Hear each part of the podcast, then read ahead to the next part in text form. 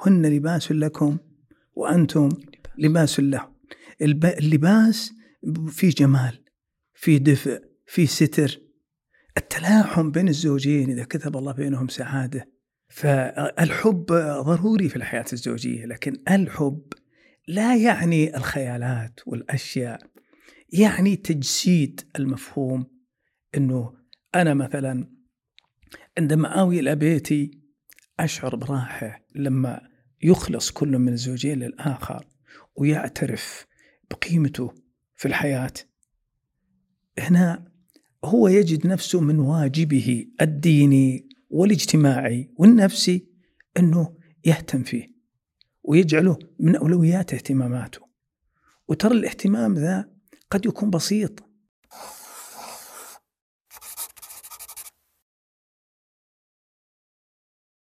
بسم الله أهلا وسهلا بكم في كاف جديد وضيف فريد. ضيف اليوم الدكتور عبد العزيز بن عبد الله المقبل الخبير والمستشار الأسري والذي له تجارب لأكثر من 35 سنة في الحلول الأسرية والتعامل مع المشاكل الأسرية. حديثنا اليوم عن تكوين الأسرة وأثرها على الحياة، أثرها على الفرد والمجتمع، أهمية اختيار الشريك، كيف يمكن أن تكون الأسرة من خلال معايير معينة؟ هل آه، أختار شريكي بناء على الحب أو على معايير أخرى؟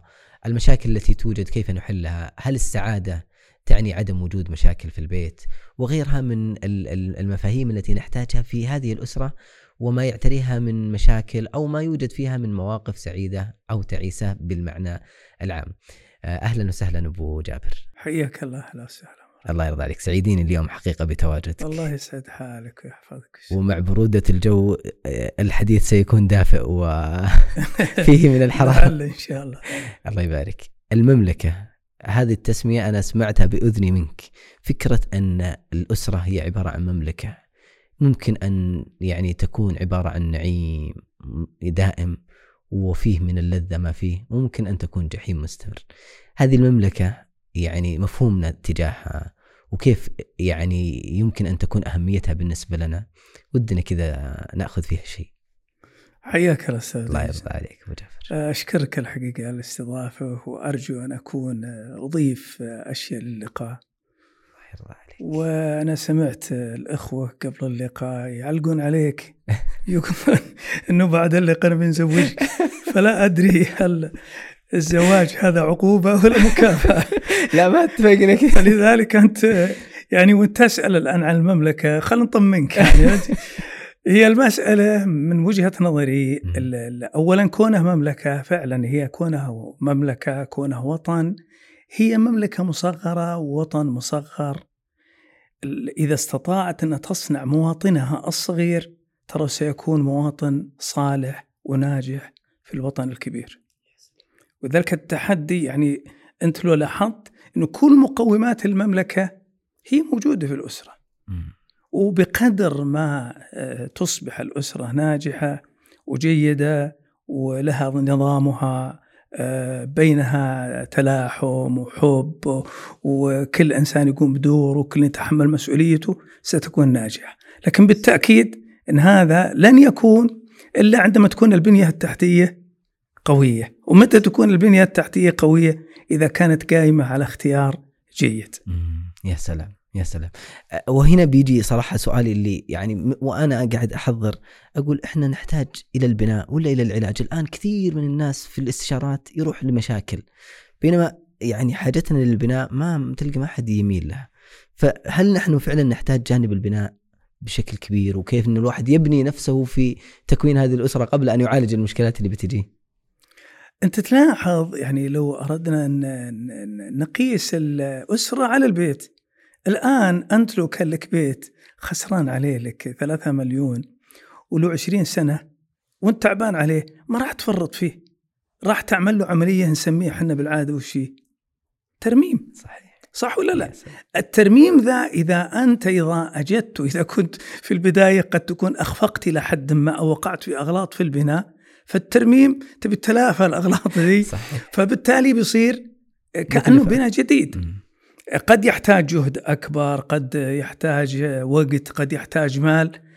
وفي الوقت نفسه اللي يبغى يبني بيت جديد يبني بيت جديد هو بيبني بيت لأنه ما كان له سابق. فنحن يتساوق عندنا نفس الشيء يعني الترميم إن صح التعبير القديم والبناء الجديد للجديد. يا سلام. طيب الآن أنا أريد أن أنشئ أسرة. أو يعني أريد أن أكون أسرة بشكل فيها من السعادة ما فيها. إيش المعايير اللي ممكن أضعها؟ واحد اثنين ثلاثة أربعة. أقول والله الآن أنا مستعد. أو بإذن الله عز وجل ستكون الأسرة في المستقبل في سعادة بإذن الله. جميل. أنت قلت أنا بكون. يعني أنت هل انت بترسم لوحة. طبعا اللوحة ذي بعض الناس قد يميل إلى أن تكون لوحة خيالية مجنحة. وهذه أذكر أنا نكتة آه، لما كنت أنا تزوجت. وكان عندي خالي آه، قريب من سني كنا دائما نروح ونجي فكان واحد أكبر منا شوي من الزملاء نرتاد بيته ويمزح معنا ويضحك معنا فقال الخالي ها أبو عبد الرحمن آه ليش ما تتزوج؟ قال خابر لي قال لي يلا وش صفاته؟ قال كذا وكذا قال اصبر اصبر يا أبو عبد الرحمن إن شاء الله بالجنه فبعض الناس يعني إذا اراد إنه يبي يعطي صفات ان صح التعبير حالمة فعلا هذا غير يعني غير ممكن لكن أنا إذا أكدت على الصفات الأساسية عندي طبعا أنا عندنا أكثر من قائمة، قائمة صفات أساسية وقائمة تكميلية مثل ما كنت تصلح لك وجبة يعني وعمرت فيه منكهات وأبازير وكذا لكن في أشياء أساسية أصلا ما تقوم الوجبة إلا بها. فاللي نأكد عليه التأكيد الأساس هو المكونات الأساسية للوجبة. وبعدين يجي دور قضية عاد الإبزارات والإضافات والمنكهات تمشي. لكن كل إنسان له خياراته. يعني قد ما يكون خيارات لي لا يلزم بالضرورة أن يكون خيارات لك لكن الأهم من هذا كله أن تكون خياراتك أنت متوافقة مع الفتاة اللي أنت تريد أن ترتبط بها وتكون وياها مشتركين في هذه الأشياء. واضحه؟ جميل. مهم جدا يعني يعني هي اللي أسميها البنية التحتية، أنت في المستقبل هذه حياتك وهذا الزواج آه، أعتبر من من أكبر الأحداث اللي بحياة الإنسان الزواج. يعني هم يقولون عملان مهمان جدا في حياة الإنسان. الزواج والعمل. العمل أمره سهل. أنا ممكن أنتقل ممكن أستقيل حتى ممكن أغير عملي كله. لكن قضية الزواج ليست سهلة. حتى أنه أنت إذا ارتبطت بامرأة مثلا وعشت معها قرابة سنة سنتين من الصعوبة الانفكاك. يعني اشياء كثيرة حتى لو كانت عندها إشكالات أو عانيت معها أو هي عانت معك كل منكم يمكن الانسحاب عنده صعب بيترك ثغرة. فكنا من البداية نتفق ومع ذلك أنا أعتقد إنه حتى إذا اجتهدنا واتفقنا وكذا سيبقى مجال كونك رجل وكونها امرأة كونك نمط شخصية وكونها نمط شخصية كونها عاشت في بيئة وانت عشت في بيئة لكن في فرق أن يكون المسافة اللي نختلف فيها مسافة مثلا 20 15 10% وهي في الجانب الفرعي وأن تكون أكثر من ذلك أو تكون في الجوانب الأساسية. يا سلام. يعني الآن كأني أفهم أن المعايير أنت الذي تصنعها نعم. بالتشارك مع آه، شريكك في الحياة. سواء كان الزوج للزوجة أو الزوجة مع الزوج. طبعا هو في معايير شرعية. آه لا شك أنها ستساعد مساعدة كبيرة جدا لكن بعض الأحيان قد يكون في إضافات معينة، قد يكون في تأكيد على تراتبية معينة للصفات هذه. آه لكن يبقى في النهاية قرار التوقيع أنت اللي تبي تقوم به والنتيجة أنت اللي تحصلها وعلى ضوء اختيارك يبي يكون النتيجة. يا سلام. كذا يعني وأنا أحضر أتساءل وكثير من الناس يتساءل حتى لما تجي في جانب الإقبال على الزواج البعض يقول يا أخي أنت كنت في حرية وستنتقل إلى تقييد. البعض يقول لك لا أنت ستقبل على سعادة هذه ما شعرت بها ولا رأيتها في حياتي قبل الزواج.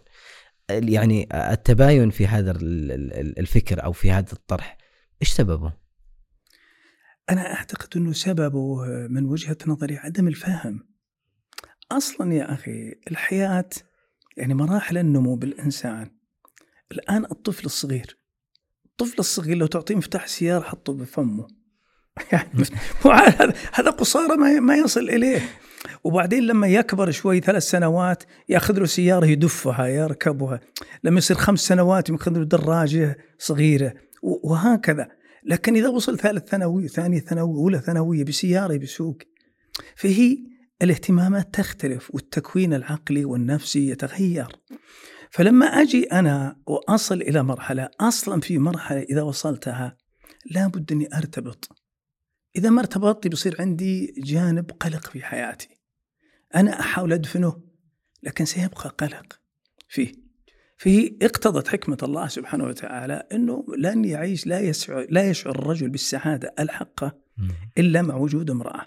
ولا تشعر المرأة بالسعادة الحقة إلا وجود رجل. لا يعني هذا أن الزوج تجلب لك السعادة أو أن الزوج يجلب للفتاة السعادة. ما لم تكن أنت عندك استعداد للسعادة ما راح أحد يحققها لك لكن وجود استعداد عندك يعني أنا أسميه تقبل منك وتفاعل من الطرف الآخر هذا هو اللي يصنع السعادة. الأمر الآخر الذين قد يشقون في حياتهم قد يكونون هم اللي كتبوا اللوحة الخطأ اللي من خلاله وقعوا عليها ودخلوا فيها بوابة الزواج. لكن إذا كنت أنا عرفت أن الاختيار مفصل بحياتي وهو اللي يرسم لوحتي المستقبلية ووقفت عنده شوي وعملت أعمال ويمكن قلت قبل الحلقة أنه أنا بديت أكد على الناس أنه لكي تستكمل ترى في معلومات الأهل مثلا لاحظهم مجتمعنا طيبين وحبيبين والله يشوفون عبد العزيز كويس وممتاز وكذا. يمكن حتى هم يهدون بنتهم له لكن طيب بنتهم يمكن عبد العزيز ما ترتاح له البنت ليس لأنه سيء بس هي عنده مواصفات معينة قد ما يدخل فيها أو العكس عبد العزيز هم يريدونه لكن هم ما تصلح له بنتهم. فلما نجي نحن ومثلا أفترض إنه خطبت واولا أنا أركز إنه جيد جدا أن أحرص على أن تكون خطبتي من بيئة أو أسرة مقاربه لبيئة أهالي لأنه اسرتنا تمتد. يعني البنت تبي تصير بنت الاهالي وأنا بصير ابن لهؤلاء تشارك الممالك. والأولاد إي نعم. فبتصير الأمر الثاني إنه حتى دستور مملكتنا الجديدة ذي يبي يصير مستمد من مواد تؤخذ بعضها من الأسرة ذي وبعضها من الأسرة مع أنه يفترض أن يكون لنا نحن دور، يعني تصير هذه مصادر فرعية لكن المصدر الرئيس هو نحن. الأمر الثالث أنه جيد بعد ما أتأكد من هذا أني أطلب منهم إما في الرؤية الشرعية وإما بعد الرؤية الشرعية يصير بيني وبين البنت تواصل على أساس يصير التواصل هذا محضر له أنا محضر ما الأشياء التي أريدها في المرأة وتريحني وما الأشياء اللي ما أبغاها وتتعبني؟ والبنت نفسها ممكن تطرح نفس الطرح. وش الأشياء يا أخي لا تبلشني بكرة؟ يعني إذا تورطك فيك بديت ترسم لي. لا عطني من الآن من الآخر على ما يقولون ما الأشياء اللي تريحك والأشياء اللي ما تريحك؟ وش الأشياء اللي تقبلها والأشياء اللي ما تقبلها؟ أنا شخصيا أسفت أسف شديد وتعرض علي قضايا بعد الملكة. والبنت تقول خلاص أنا ما عندي استعداد أكمل. طبعا الآن بيحسب على البنت؟ طلاق. قلت يا بنتي كان يفترض إنه قبل ما يعني تملكون وخلاص تصبحون زوجين أنكم كل واحد منكم بشكل لكن يعني يعود السبب لعدم توافقهم ما قبل إيه يعني أو... مثلا هي إيش اللي حصل؟ آه ملكوا. بعض الناس مع احترامي يحسب التمليك معناه ملكية نقل ملكية سيارة.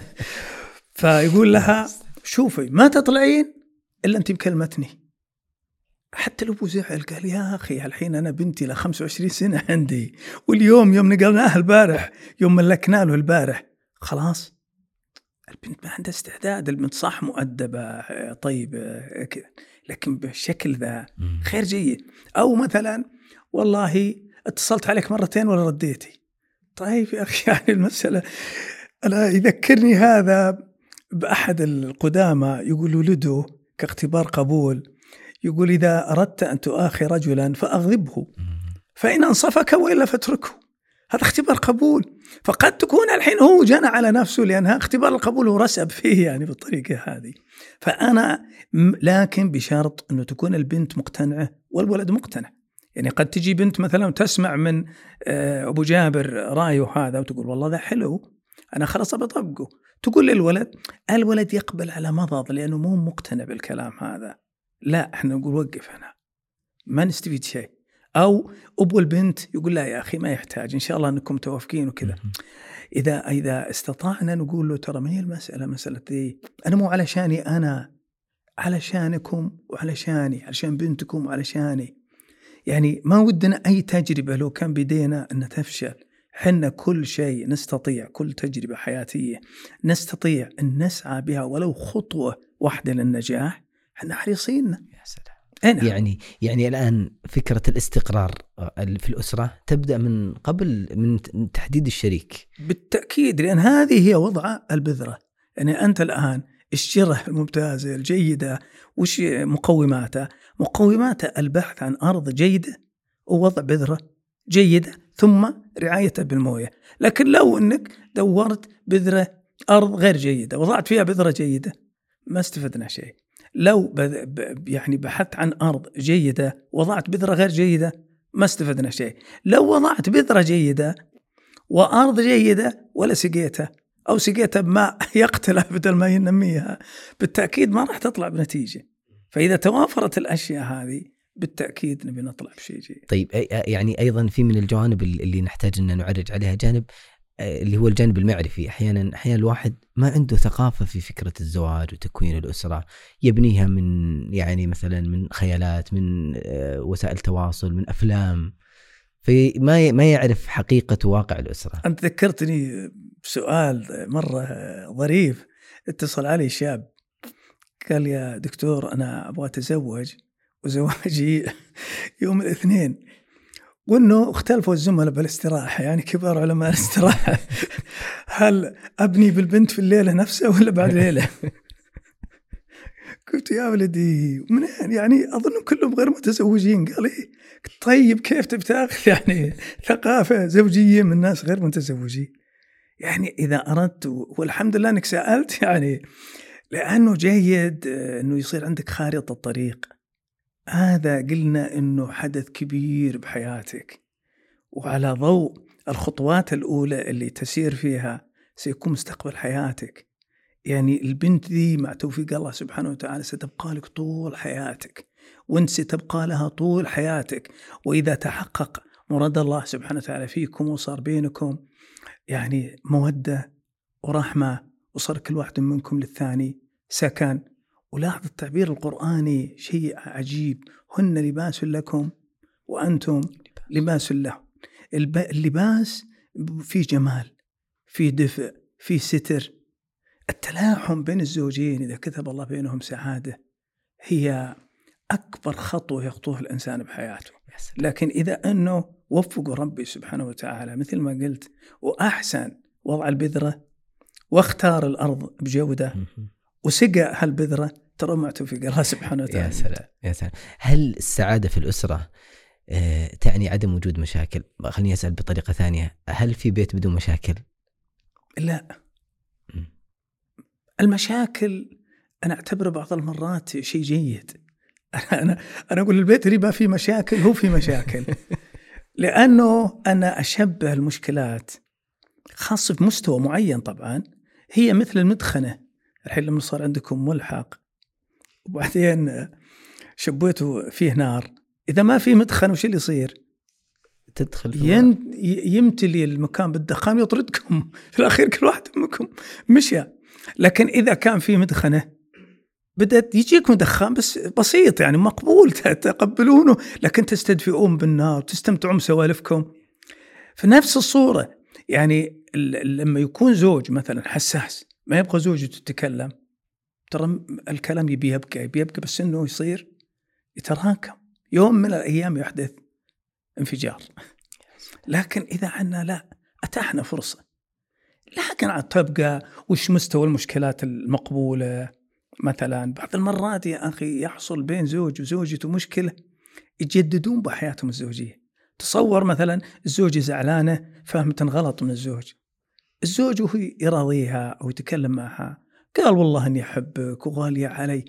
انبسطت هي ما كان يعبر هالتعبير يعني كانت مشككة شوي. فقالت الله يبارك في المشكلة يعني أكشفت لنا يعني هالمشاعر فالمشكلة لكن في نوع طبعا من المشكلات يعني أنا أقول إن المشكلات تقريبا ثلاث أنواع. في مشكلات طبيعية وعادية وقد تجدد يعني لأن إحنا مثل ما إنه أنا والله قاعد في بيتي ومع مرور الوقت صارت الطاولة عليها غبار وبس محتاج نمسحها مثلا أو المجلة أو شيء من هذا القبيل ويا ننفض ويعيد كما هو جديد يعني حياتنا كذا. وفي نوع لا في مشكلات تبعث على القلق لكنه قلق. أهل البيت متماشيين معه يعني. أنا طبعا أقول جيد إنه ما انت مثل بعض الناس يكون عنده ضرس مسوس وكل يقول اقلعوا يا رجال بس أخاف يصير الخوف ملازم له ويتحمل مستوى من الألم كذا. لكن إحنا نقول إنه هل. في نوع من المشكلات وإن كان قلقها يعني مستمر لكنها ما تصل إلى حد زعزعة الكيان. المشكلة النوع الثالث وهو الخطير هو اللي زعزع الكيان اللي تناقض مع الوظائف الزوجية تناقض مع مقاصد الزواج. هنا نقول جيد جدا يعني أفاجأ أنا ببعض البنات مثلا في مشكلة عجيبة وقوية وقاعدة سبع سنوات حتى طفح عندها الكيل تتصل يا بنيتي وشلون ما كلمتي؟ شلون ما قلتي لأهلك؟ قالت إحنا متفقة معه على ما نطلع مشاكلنا. في مشاكل فعلا ما تطلع وجيد انها تبقى آه، رهن البيت. لكن في مشكلات إذا كانت مثلا أنا حاولت واجتهدت خلاص أنا ما حتى أقدر يعني. وهي في الوقت نفسه مشكلة تؤثر على الحياة الزوجية وتأثيرها كبير وهي مستمرة. نقول لا هنا لابد حتى إذا أردنا على الأقل أن نحافظ على الكاء لا يسقط لابد أن يدخل أحد. جميل. أنا ودي نتكلم عن المشكلات بس لما ندخل في المشكلات بنبحر في عالم صراحة كبير جدا. عندي بعض الأشياء اللي نحتاج إن يعني تصير واعيه عندنا. في فكرة وهي متداولة الآن في واقعنا فكرة الحب والزواج والأسرة المبنية على الحب. هل الحب هو مقوم من مقومات الأسرة؟ ولا إحنا نحتاج إلى أشياء أعمق من مفهوم الحب؟ زعلان على الحب يعني؟ أنا أحس إن الحب ما أنا الوالدة تقول الأصل في البيت ما هو بالحب. الأصل المودة والرحمة. أنا بعض المرات تشكولي بعض النساء تقول زوجي مو هو رومانسي. أنا أقول يا بنيتي الرومانسية أنا أعتبرها زي الكريمة اللي على الكيك. هي طعم بالكيك لكن نقدر ناكل كيك بلا يعني لكن ما نقدر ناكل كريمه من دون كيك.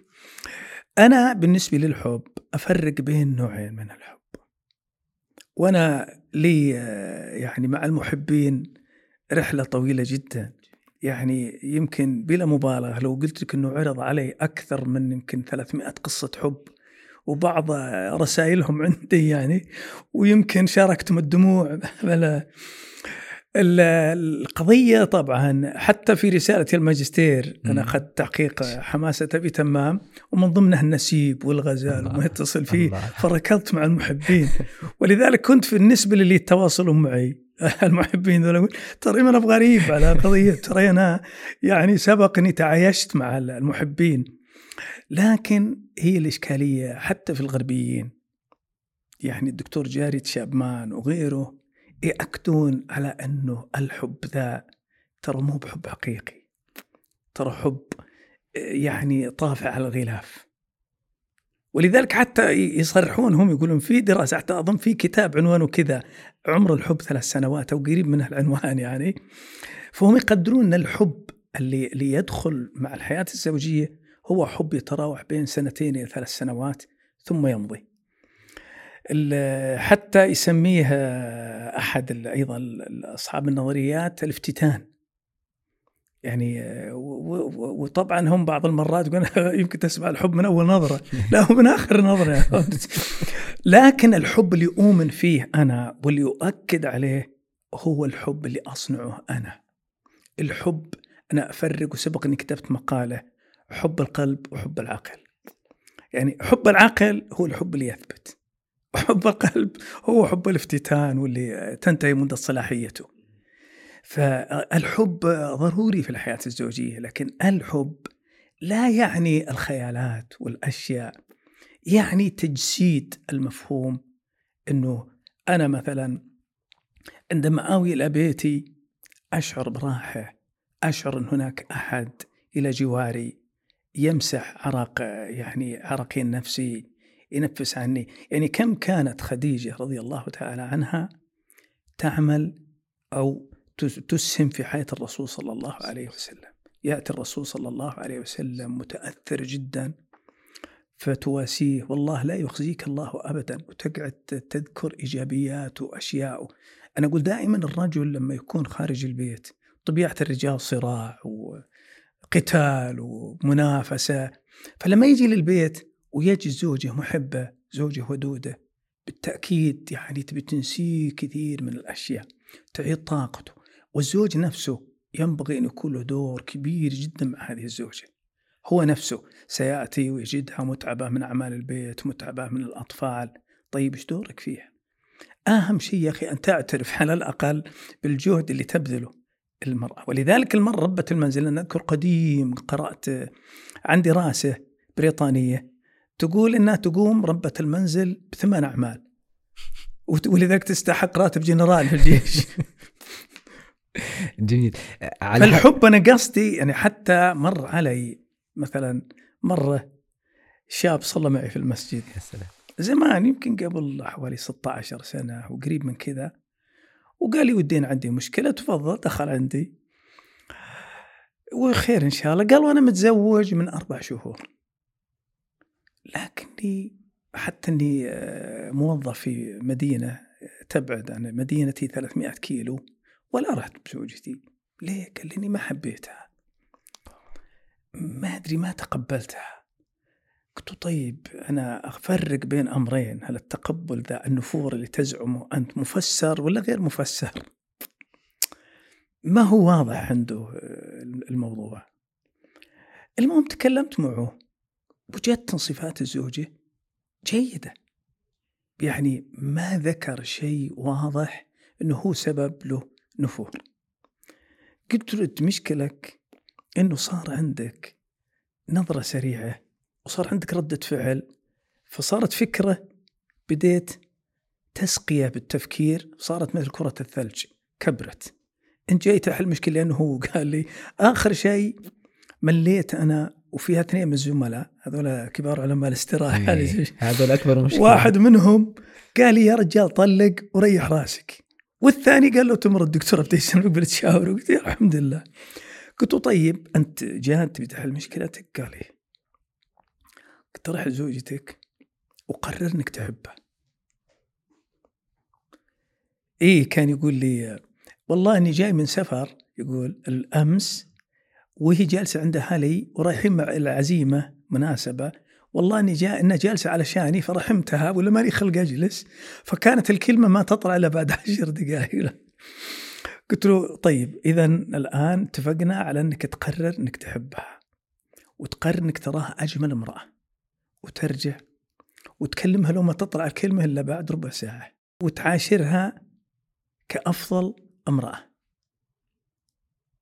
والله إني بعد أسبوع واحد كان أحد زملائي بنته تبي تتزوج وعزمني أذكر كنت جالس في البوابة على اليسار. أنا ما سألت الولد عن اسمه ما حبيت أحرجه. مر فشفت لفت نظري قمت ناديته سلمت عليه بشر. قال بشرك. راح 80% الله. هي المسألة قرار. ولذلك صاحب القرار يا أخي حتى في السعادة إذا أنا لقيت لي شخص. وهذا وجدته أنا بالحياة من خلال المشكلات اللي عايشتها من أكثر من 35 سنة فيها. تلقى لك واحد. حياته ممتازة جدا وعنده يمكن 10% سلبيات. لكن عينه وين رايحة؟ على هالعشر بالمية. تعيس. واحد العكس تماما. عنده 90% عنده تعبان وعنده يعني آه، أشياء حتى يعني تلقاه مبسوط. وهذا يذكرني قبل مدة كنت مع مجموعة من الزملاء. فكان واحد من الناس المرحين يتعاطى في اليوم أظن تسع حبوب. عنده ضغط وعنده سكر. فواحد من الزملاء قال أبو محمد وش أخبار الحبيبات؟ شوف الرد اللي لفت نظري الحقيقة عجبني. قال يا الله لك الحمد يا أخي في حبيبات. يعني سبحان الله العظيم كانت حتى ذاك الحقيقة كان رد فعله قال الله إنك صادق الله يجزاك خير ويوفقك ويعافيك يعني يا أخي أجيبك مثل الرد الإيجابي هذا. ما قالوا مثل بعض الناس أحمد ربك يا أخي شوف أنا وش وضعي شوف كذا. لا والله الرجال مبسوط ومستانس ومتكيف مع وضعه. فهو بالطريقة هذه أنا جميل. أعتقد في في مفهوم في الحب وهو اللي أيضا جانب آخر فكرة وهو يشيع في يعني يمكن الآونة الأخيرة فكرة الزواج عن حب فكرة انتظر فارس الأحلام اللي أحبه حتى أتزوجه. وعلى النقيض أيضا. هذه الفكرة الرائجة. أنا ما أقدر يا أخي بالعربي الفصيح. أنا لو جاني شاب وقال لي وهذا جاني كثير ترى واستشاروني أهل.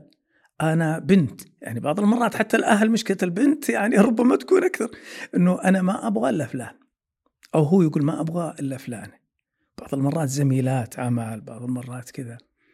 أنا كنت أقول لهم صحيح أنا بعض الأحيان من خلال تجربتي الطويلة في مع الأخوان دول المحبين والعاشقين احياء وأمواتا فلذلك خذ اولا حتى كنت أنا أتكلم معهم بنكتة أقول لهم كان لأنه أقول للأهل أنا خلوا الولد والبنت يكلمني إن استطعت أنا أقنعه جيد. ما استطعت أرجوكم رجاء زوجوه. مع إني أتوقع أن الزواج مؤقت من سنة إلى ست شهور من ست شهور إلى سنة.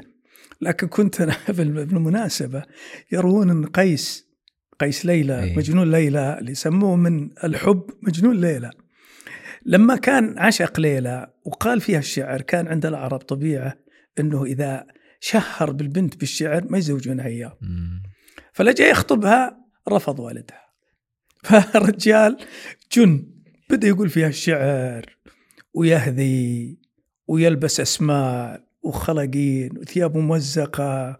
فواحد من أهل القرية من أهل ال- ال- القبيلة رحم الرجال وجاي بينصحه لقى الرجال فاقد عقله. طيب وش يسوي حتى يقدر ينصحه؟ يرجع له العقل. طيب كيف يرجع العقل؟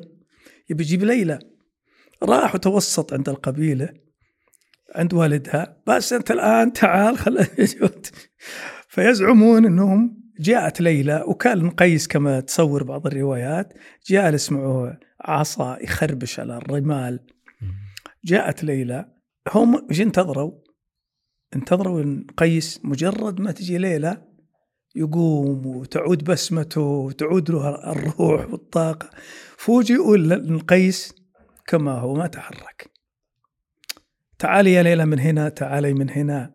ما استفدنا شيء. واحد يعني آه، ضغط خاصرته. هذه ليلى اللي شغلتنا عنده يعني. فقال كلمة تختصر الحقيقة قضية الحب. وهذه اللي كنت ننبه لها الزملاء ال- ال- المستشيرين. قال شغلني حب ليلى عن ليلى شلون؟ وهذا اللي يحصل يعني وحتى أقرب لك الصورة. مرة في المشكلات. أرسلت لي فتاة متزوجة وله طفلين. مشكلة عجيبة. تقول فيها أنه أنا متزوجة من خمس سنوات وقالت أربع سنوات زمان. وإني أنا لا أستمتع إطلاقا مع زوجي إلا لو يلمسني من دون أدري. وإنهم قالوا لي جو عيال جو العيال ما تغير شيء. رحت لطبيب آه، نفسي آه، طبيب آه، كلينيكي عضوي قال ما في شيء. رحت لطبيب نفسي أعطاني علاج. قال بعد ثلاثة أشهر الآن في الشهر الثالث ما تغير شيء. أنا قعدت أقرأ ال- ال- ال- ال- الذي ودقق النظر فيها وجدت أن البنية أسلوبه أدبي وتجتهد في الصياغة وكذا. فالمهم كتبت لها رد ملخصه أنك أنت كنت رسمتي لوحة للزوج. وبعدين تقدم لك هذا اللي تقولين أنت عنه طيوب وحبوب. لاحظ الكلمتين. فأهلك يعني قالوا هذا ما ينتفرط فيه. جميل تقبلينه. فأنت تقبلتيه لكن داخليا ما يتوافق مع الكتالوج اللي أنت راسمة والصورة. الآن بالذات في وضع العلاقة أنت قدامك براسك صورة وقدامك صورة. وهذا فردت لي قالت اقسم بالله إن هذا الواقع يعني اللي حاصل. لكن شو كيف أرفعه؟ لعنان السماء. قلت لا لا لا خليه في الأرض محتاجين نرفع. يعني في الإشكالية بعض الأحيان أنه لما يكلم ولد بنت آه، قد يكونوا ترى صادقين يعني آه، ما يلزم أن يكون الولد ذيب أو خداع أو كذا. دع عنك اللي يلعبون يخدعون يوجد هذا. لكن أنا حتى مع اللي صادق هنا. هو الآن كل واحد منهم لحبه للآخر وليس للخداع يريد أن يعطيه أجمل ما عنده. لكن طيب تزوجوا وجو للبيت. راحت الأقنعة. راحت الأقنعة وكل واحد خلع ثوب المجاملة. أنا قادر ترى يجامل شهر شهرين ثلاثة لكن الحياة صعب إني أبنيها على المجاملة. الأخطر من هذا إني الزوج يبغى المرأة طبق الصورة الذهنية اللي كان راسمها. وهي أيضا تبغاه طبق الصورة الذهنية الحالمة اللي هي رسمتها وهنا يحصل الطلاق وتحصل المشكلات. فحنا نقول لو أن المسألة أبد يعني شيء عادي مثلا لو أنت عايش مع بنت عمك من يوم انت صغار وعارفة وعارفك وكذا وحبيتها ما عندي مشكلة أنا. وحتى يروى حديث النبي صلى الله عليه وسلم قد ينطبق على الحالة ذي ما رؤي للمتحابين مثل الزواج. ما عندي مشكلة فيه. لكن هي لما يكون الزواج أو الحب هذا قصة رومانسية قد تكون نهايتها بصل صح التعبير؟ جميل.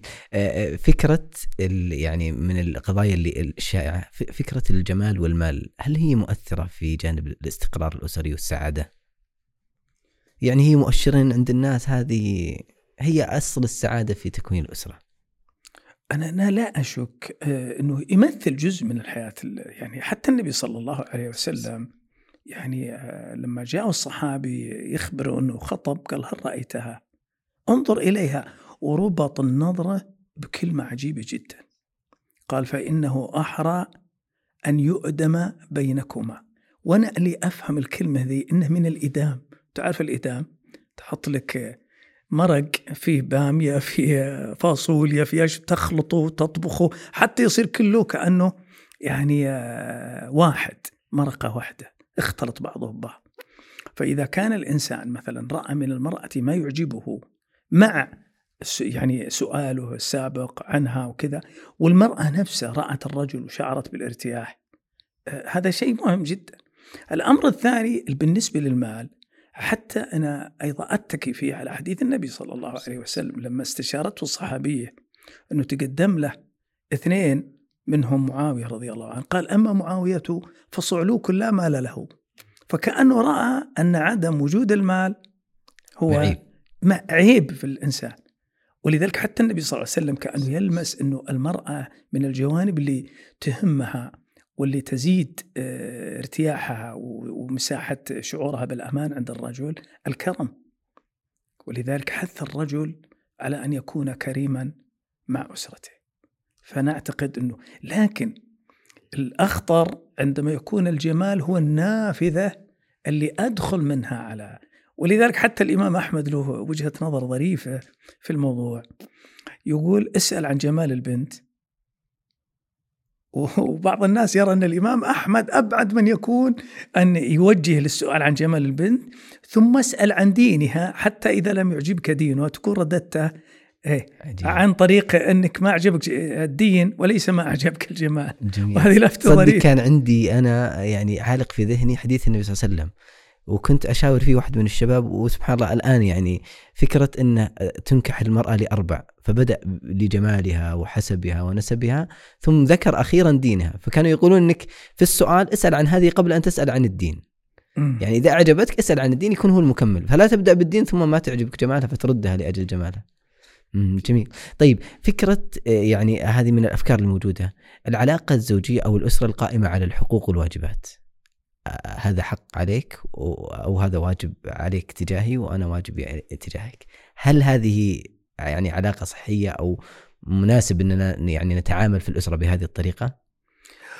والله يا أخي أنا من الأسئلة اللي أمتعظ منها لما يكلمني زوج أو تكلمني زوجة وتقول لي نفس السؤال ما هي حقوق الزوج على زوجته قلت والله هي ما هي محاجة ومقاضاة لما يجي الزوج أو الزوجة ويدخل الحياة الأسرية قضية محاجة أو جدال أو حق وحق.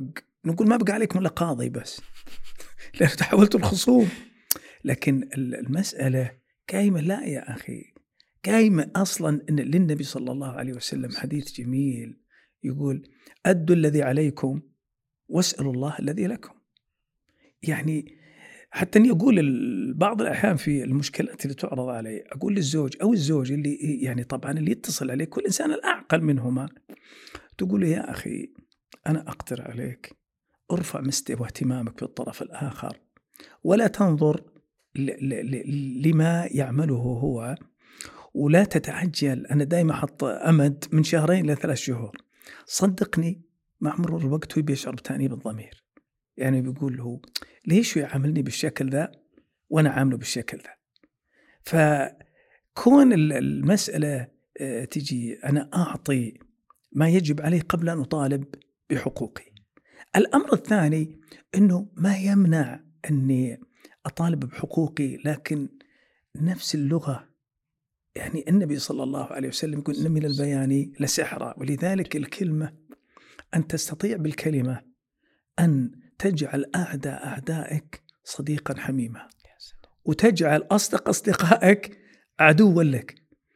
اذا أنا لما أفعل قضية اللغة يعني أولى من أفعل قضية اللغة معه هو آه، إذا كنت زوج زوجتي وإذا كانت زوجة زوجي. لا يعني هذا المثاليات بالتأكيد أنا أفرق بين أمرين. دائما اللي هو الخطأ العارض والخطأ المستمر. الخطأ العارض كلنا نخطئ. سواء على مستوانا كآباء أو على مستوانا كأزواج وزوجات. لكن الإشكالية ليست في الخطأ العارض. فالخطأ العارض من طبيعة الإنسان. ولا ينفك منه ينفك منه أي إنسان. لكن الإشكالية في كون إنسان عنده خطأ ثم يحاول أن يحتج لهذا الخطأ وأن يأسس له أو يجعله كردة فعل لخطأ الآخر. هذا هو بحد ذاته مشكلة. يا سلام. إيش الأخلاق اللي مهم أن تكون موجودة في الأسرة كأسرة؟ أخلاق لابد أنهم يتحلون بها يعني تشيع بينهم حتى يؤدم بينهم وتتم السعادة. إيش أهم الأخلاق؟ هو من المفردات الجميلة اللي حتى ألمح لها النبي الكريم صلى الله عليه وسلم بالنسبة للمرأة أنه يقول يعني مرة قال الودود. الودود. الحقيقة كلمة الودود كلمة لطيفة جدا وهي تلبي حاجة أساسية عند الرجل. ومرة أخرى قال الموافقة الموافقة. والموافقة للرجل طبعا تمس البعد الإداري في البيت. فهي تعزز قيمة الرجل يعني أو تشعره بذاته. والمرأة الذكية قد تستطيع أن تقود الرجل وهي تشعره أنه هو من يقودها. لكنه يشعر برضا وارتياح لكن المرأة الحمقى هي اللي يعني تنازع الرجل القياد وتشعر بضآلته. ولذلك لا الرجل ولا المرأة كل منهما قادر على يعني سبق أني كتبت في تغريدة أنه قد يوجد رجل عاقل يتزوج بامرأة حمقاء فتجعله إنسان إن صح التعبير يعني بقايا إنسان. وقد يتزوج رجل أحمق بامرأة عاقلة فيتعامل معها بسوء وأخلاق ويعني سوء لغة فيحيلها إلى اشلاء سن والعكس تماما. قد تتزوج امرأة عاقلا رجلا بسيطا فتصنع منه رجلا حكيما عاقلا. وقد يتزوج رجلا عاقلا امرأة عادية فيصنع منها امرأة متميزة. يعني تأثير أحد الزوجين على الآخر تأثير غير عادي. فمهم جدا لكن نحن لما نكون نصدق مع أنفسنا يعني لما يخلص كل من الزوجين للآخر ويعترف بقيمته في الحياة هنا هو يجد نفسه من واجبه الديني والاجتماعي والنفسي أنه يهتم فيه ويجعله من اولويات اهتماماته. وترى الاهتمام ذا قد يكون بسيط يعني دائما شجرة الحب في الحياة الزوجية لابد أن يشترك في سقياها كل من الزوجين وبشكل مستمر. كل واحد منهم يمشي. قد يتعب أحدهما وإن صح التعبير وينتظر له يوم يومين لكنه لا يلبث أن يرجع. لكن الإشكالية عندما يتوقف توقف. هنا نقول الأمر بالتأكيد غير جيد ومعنى هذا ترى شجرة الحياة تبي تبدأ تصفر. جميل. في جانب هو متعلق بالأخلاق يعني أنا عندي يعني فيه جرح غائر.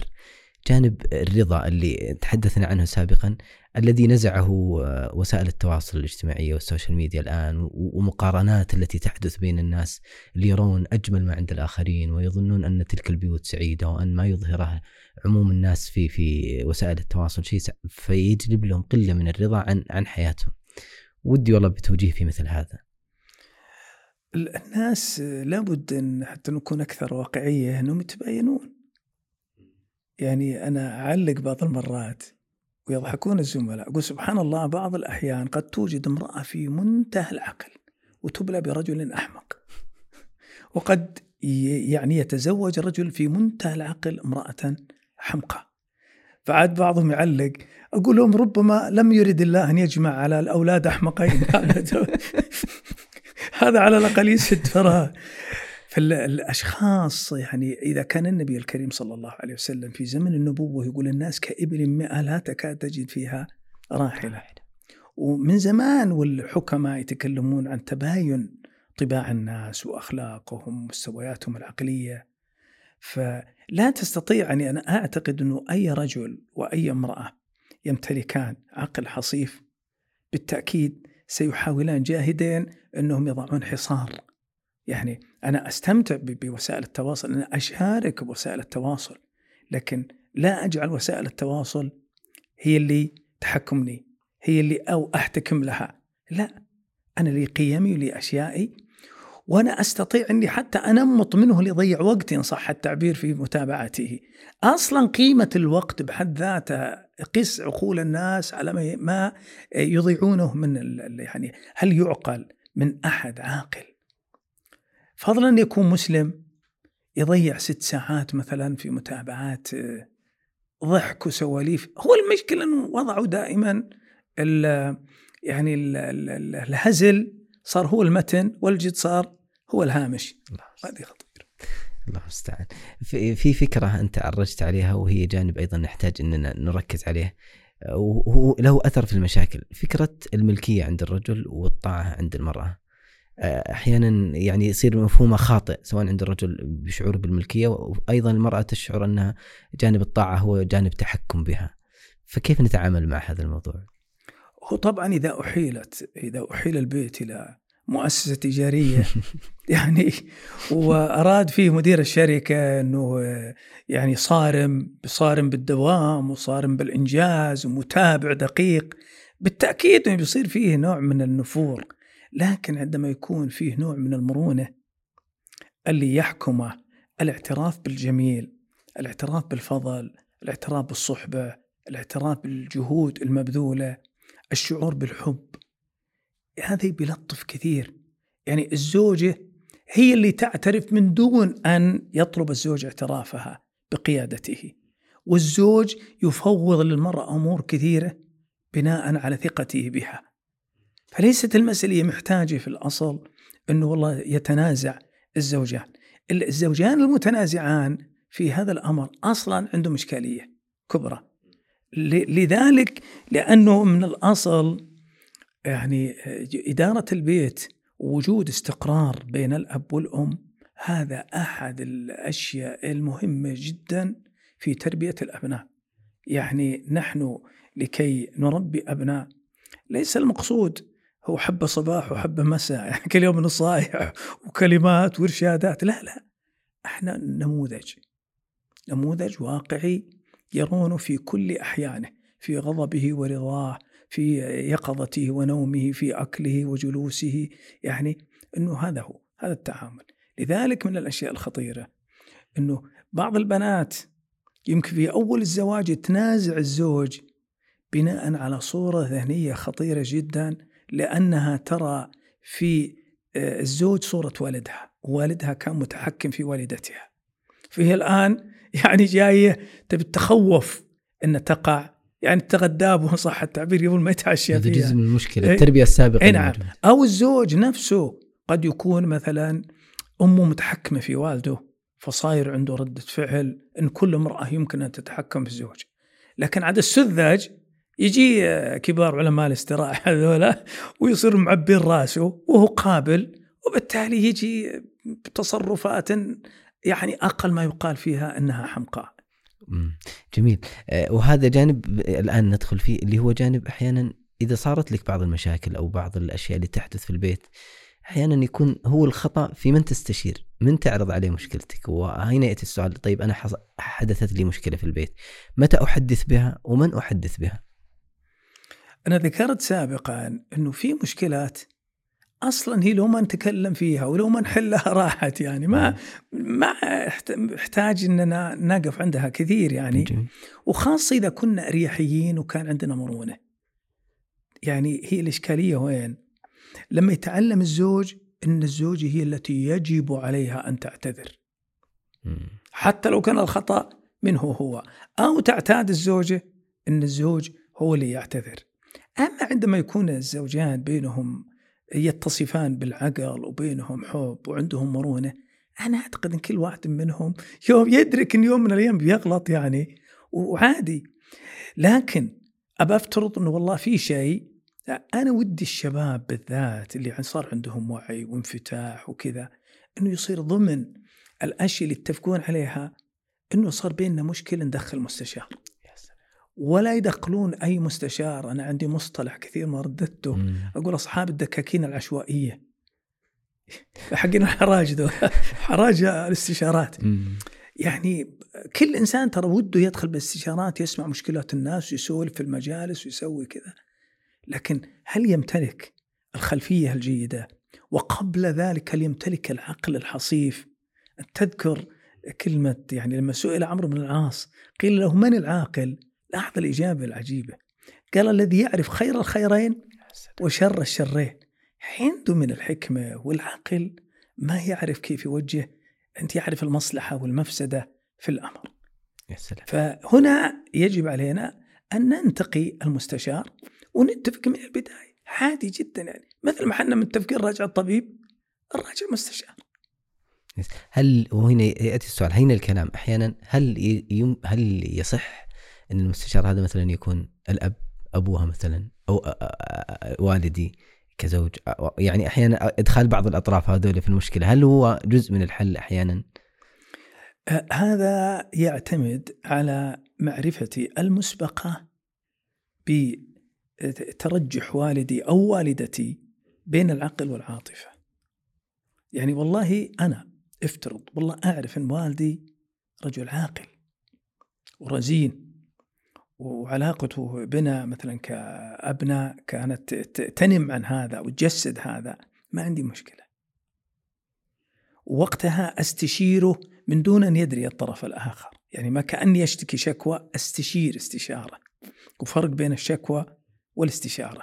لكن إذا عرفت إن والدي أو والدتي لا يعني مثل أغلب الناس عاطفي يبي يحطف في حبلي فالأولى بي لكي أقيم حياتي لأنه بعض الأحيان ويكون لا أتهم الآب والامهات انهم حمقى لكن أحد الحكماء يوصي ولده يقول ولا تصحب الأحمق فإنه يريد أن ينصحك فإنه يريد أن ينفعك فيضرك. لاحظ النية طيبة جدا. لكن ما عنده الملكة اللي من خلالها ينفع. فهو يريد أن ينفع لكن المسكين ما يعرف الطريق للنفع. فلما أنا مثلا أشتكي لأبوي أو لأمي سواء زوج أو زوجة قد يتعاطفون معي. وش بينفعني تعاطفهم. قد يقولون لي راي يفسد علي حياتي الزوجية يفقدني الطرف الآخر. فكوني من البداية أتجنب هذه الأمر الآخر اللي تعجبني فيه بعض النساء بشكل جيد والحقيقة أحترمها جدا تقول أنا عندي مشكلة بس ما أحببت أقولها لها لي لأني واثقة أن بنحل مشكلتنا ولا ودي لاحظ الكلمة الجميلة ذي أنه يأخذون أهلي انطباع سلبي عنه. والحقيقة أكبر هذه العقلية. وحتى الزوج لما يكون عنده العقلية هذه حقيقة تكبره. لأنه بالفعل الآن قد يكونون عاطفيين قد يحصل بينهم وبين زوجة الابن مشكلة أو شيء ثم يلوحون له بالمشكلة السابقة. وهذا أمر الحقيقة قد يلوث الأجواء سواء عاد بين الزوجين أو حتى بين أهل الزوج أو الزوجة والآخر. سلام. في أنت ذكرنا في البداية ولعلنا الآن نأخذها كمشكلة فكرة التقارب يعني الثقافي بين المم- الممالك التي بي يعني بي يعني المملكة اللي بينشئونها إذا صار في مشكلات ترتبط بال- بالاسره بالأسرتين أسرة الزوج وأسرة الزوجة كيف يمكن يتعامل معها؟ يعني آه، أبوك فعل لي كذا أمك آه، وعلى الطرف الآخر إدخالهم في المش... في في العلاقة الزوجية والأسرية كيف يمكن نتعامل معها؟ أنا أظن اولا أنه يجب علينا أن نبعد التشنج. أن نبعد التشنج. يعني في ملحظ كنت الحظه كنت أستأمنه كثير. أنه مثلا تقول لي مرة قد تكون هذه إن شاء الله نادره لكنها تسيء. واحدة يقول لها زوجها ترى شوفي أنت ما تساوين ولا حذاء أمي. طيب. يعني إيش المناسبة؟ أمك لها حق وزوجتك لها حق يعني. ولا تعارض بين الحقين يعني وكلها حقوق شرعية وبعدين زوجتك الاصل ما لأمك عليها أي حق إلا شيء تحتسب فيه عند الله سبحانه وتعالى لإرضائك فليش أنت من البداية من بحماس وعاطفة تشوه العلاقة بين أمك وبين كذا. الأمر الآخر أنا دائما أتمنى أتمنى على كل أم للزوج أو للزوجة ألا تتدخل في الطرف الآخر وتترك لولدها أو بنتها الاستقلال. إحنا مشكلتنا يعني الحبل السري يظل مقطع حتى راح تزوج ويمكن ينجب. لكن الأهل العقلاء يتركون إنه ولدهم نضج وبنتهم نضجت وخلاص. يعني إيش اللي بعد الزواج؟ انتهينا. يحلون مشكلاتهم. إيه يعني قل خيرا وإلا؟ فاصمت. فبعض الأهل يعني من باب الحماس ليتك تقول كذا شوف زوجك ترى عليها اللباس الفلاني ترى عليها اللي كذا ليتك تقول لها ليتك تنبهها. طبعا البنت مي بغبية بعض المرات. يعني تعرف منين جت هو كان ساكت كل المدة وش اللي بعث الاشياء ذي؟ فأنا من الأصل يعني ما له داعي الأشياء هذه إني أثيرها. هذه قضية لهم هم ويعيشون فيها. وما حتى لو الأم مثلا أبى أفترض في ملاحظة على البنت. أنا ممكن أقول أهلها بأكبر قدر من التلطف. أنت أصبحت اليوم بنتي وأتعامل معك مثل بناتي وترى والله ما نحرجه معك لكن لحبي لك ولأن فيك صفات كثيرة جدا. أنا في شيء ودي أقوله لك. ترى عاد يا بنيتي حتى تقبلينه ما تقبلينه براحتك.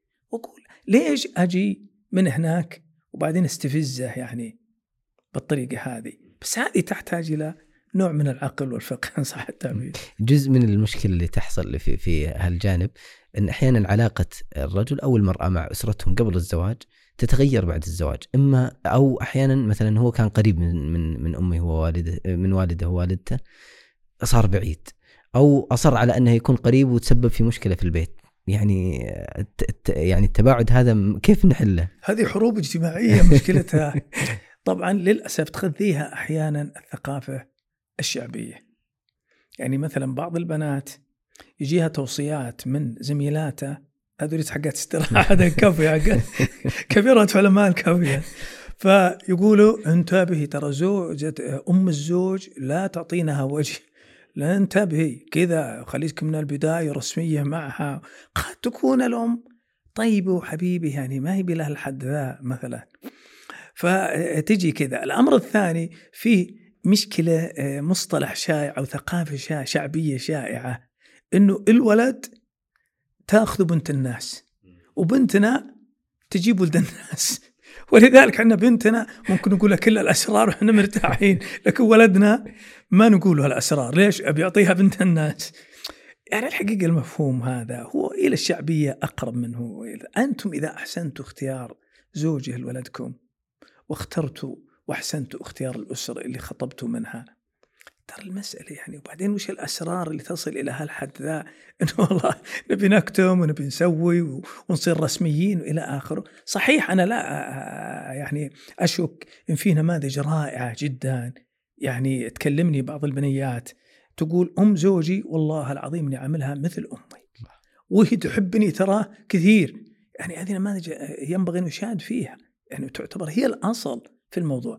لا يعني هذا طبعا عدم وجود خلاف ولا يعني أن كل أم زوج وكل زوجة ابن إنه لابد يكون بينهم. لا لا لا. في بعض الطبايع تختلف ونحن كأزواج مثلا نضطر نتيجة لهذا أن نتأقلم مع وضعنا. لكن أنا أقول لبعض الشباب لما تبدأ رياح الخلاف أو تشم حتى رائحة الخلاف. لا تنتظر حتى. تطلع الحريق. يعني من الأصل خلاص بتكيف ابعد شوي كيف الوضع. زوجتك إذا كانت تجي كل يومين خلها تجي كل أسبوع أو عشر أيام. إذا كانت تقعد أربع ساعات خلها تقعد نص ساعة. إذا كانت تجي واحدة أقعد معها. خلاص يعني يصير المسألة. لأنه في شيء أسميه ميزانية هنا. متى ما وجدنا أن العلاقة بهالمستوى هي أحسن خلاص وقف عليها. يا سلام. آه يعني فكرة آه هو هذا جانب أحيانا الاحتدام اللي يصير. فكرة الغضب لما يكون من الزوج أو من الزوجة كيف يكون تأثيره على على والله يا أخي أنت أثرت عندي لأني متألم جدا مر علي نماذج مؤلمة جدا آخرها قبل أسبوع. الطلقة الثالثة كلها بسبب الغضب. زوج يحب زوجته وتحبه يجي منفعل ولا عنده غرفة تحكم وينفعل ثم يطلق. وطبعا يبكي بكى خلاص ما, ما في فائدة ويعني يصل واحد وصل فيه الحد تصور ياخذ بنيتين واحدة عمرها سنتين ونص وواحدة عمرها أربعة تسعة أشهر يشيلهم لأمه. عقوبة للمرأة هو منفعل ويقعدون عن أمهم 25 يوم. حمق يعني حتى العلماء قديما تكلموا ترى عن الغضب إنه قد قد يوصل للكفر. قد يعني الإنسان يفقد معه العقل. ولذلك حتى النبي صلى الله عليه وسلم قال إن الغضب من الشيطان وإن الشيطان خلق من النار. فالغضب الحقيقة يوصل يعني كل عنف تقريبا يعني يطال الزوج أو الزوجة من الأصل غضب. حتى في قضية الزوجات. يعني بعض الأحيان يصدر من الزوجة أو تصير الزوجة يعني أنا دائما أقول إن الغضب من كلا من كلا الزوجين سيء لكنه من الزوجة أسوأ. لأن الزوجة هي اللي يفترض أن تكون تعنى بالجمال وتعنى بال يعني ما معنى أنه نعنى بتقويم أسناننا وإحنا ما نعنى تقويم سلوكنا يعني مثلا ما ماذا يعني أن نعنى بمكجة وجهنا ولا نمكج كلماتنا؟ يعني فأنا أقول ضروري جدا قضية الغضب بعض الأحيان نقول إذا دخل الغضب من النافذة قد يخرج الحب من الباب كيف نتعامل معه؟ هنا السؤال أنا كيف أتعامل مع الغضب؟ يعني موجة الغضب لما تأتي أو شيء يغضبني كيف أتعامل معه؟ أنا أقول ما عندي مشكلة ترى تكلم لكن أولا حاول أنك لا يعني آه، وأنت تتكلم عبر عن مشاعرك كيف كانت مشاعرك لكن لا تبعث بلغتك اللي تعبر فيها عن مشاعرك رسالة للطرف الآخر بأنه سبب ألمك. لا. كل أنا غاضب أنا منفعل أنا زعلان ما عندي مشكلة. يعني طلع. مع أني أنا ودي أيضا ما تنفعل إلا شيء يوجب الانفعال. يعني مشكلة بعض الناس أصلا انفعاله. لو تهب الريح على شوي سننفعل. لو يجي طفل ويسوي حاجة انفعل. فهو قابل للاشتعال مو للانفعال يعني تبقى مشكلة. لكن أنا أعتقد إنه بعض الناس عنده إشكالية كبرى إنه يقول لك غير جبل ولا تغير. طب ما هو بصحيح. ما هو بصحيح.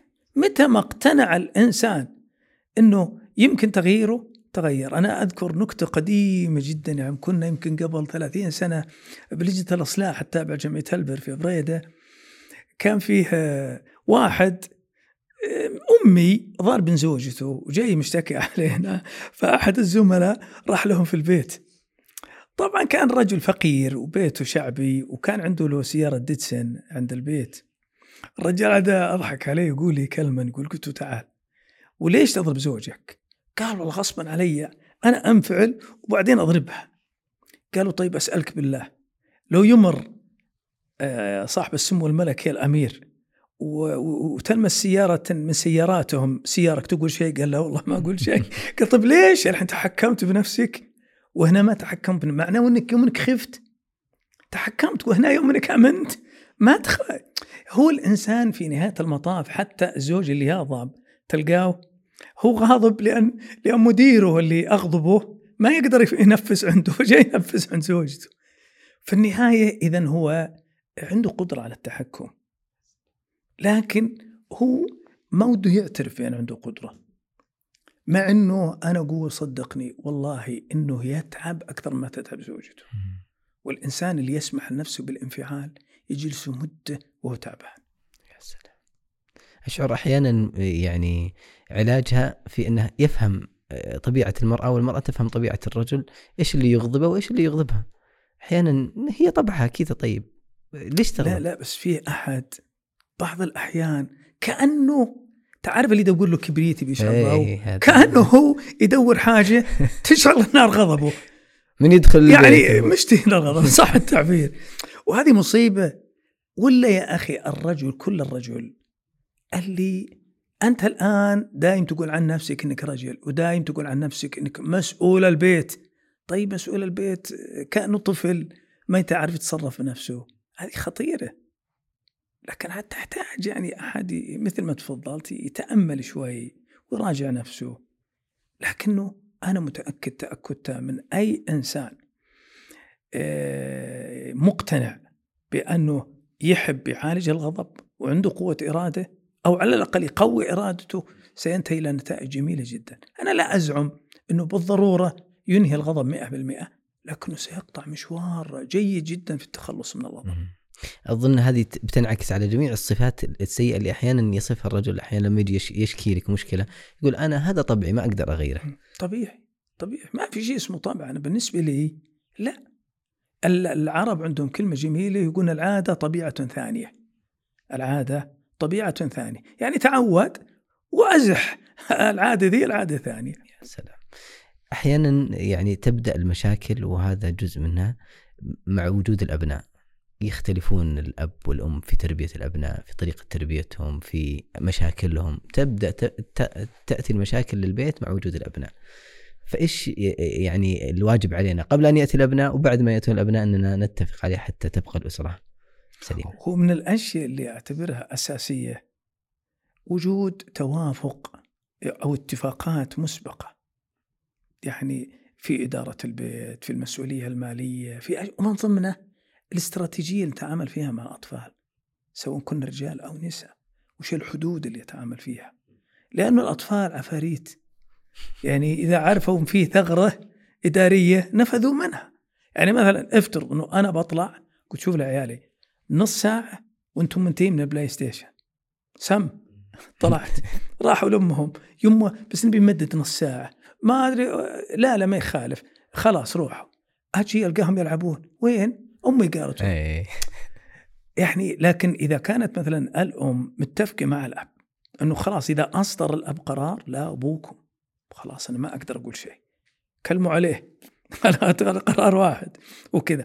وفي الوقت نفسه يعني يبقى ال- الأب أنا دائما أقول مشرف عام والام هي اللي تباشر القضايا لا ترفع الأم لكل شيء للأب. كل ما كان استطعنا أن نرفع مستوى وعينا التربوي ترى خفت علينا مشكلات كثيرة. لكن إذا كان تعاملنا التربوي وفق طقسنا النفسي أنا زعلان أتصرف وأنا راضي أتصرف بنصير عندنا مثل بعض الشوارع اللي يجيك مبسوط ويجيك مطب يشيلك فوق تحت. أو تجيك حفرة آه، آه، تض... يعني فما هو م- يعني ما في شيء بينما بعض الشوارع يعني فعلا تشعر فيها له آه، بال- بالأنس والانبساط والراحة. فوجود يعني اولا توافق ثم وجود فلسفة إدارية أعتقد أنها قد تحل المشكلة. يا في شيء تح- تحدثنا عنه حقيقة نحتاج نضبطه لأنه جزء من المشاكل الموجودة. جانب العلاقات. سواء الأصدقاء أو الأقارب أو على مستوى الرجل وعلى على مستوى المرأة أحيانا تشتكي المرأة من كثرة علاقاتها أو قلة علاقاتها مثلا فكيف نتعامل مع هذه؟ هو الجميل طبعا أن يكون اولا عندنا مبدأ عائلتي اولا أو أسرتي اولا. هذا مهم جدا الحقيقة، يعني لا يمكن بحال من الأحوال أن ينجح أحد من الزوجين إذا كان يرى أن خارج البيت أولى من داخل البيت. الأمر الثاني إنه ما لم تكن هذه القناعة مشتركة من الطرفين سيكون البيت أعرج. الأمر الثالث إنه لا يمنع أن يكون في نوع من الترتيب بالنسبة للعلاقات. يعني مثلا من الطبيعي جدا أنا وأنا كنت أدرب المقبلين على الزواج أجيب لهم صورتين الحقيقة. صورة العزابية بيت فورة بمعنى الكلمة. وبيت بيت زوج مرتب. أقول لهم وجدت إنه أحد أبرز المشكلات إن ال- ال- ال- الشاب يدخل بيت الزوجي يتزوج والسجل المدني عنده عزابي. يتعمل فلسفة العزابي وهو في المؤسسة الزوجية يعني. فلما أجي أنا أقدم ترى لابد أني أعيد النظر سواء كنت رجل أو امرأة بعلاقاتي السابقة. يعني مثلا أنا شاب كنت أروح للاستراحة كل يوم. بعد الزواج لا ليس بالضرورة.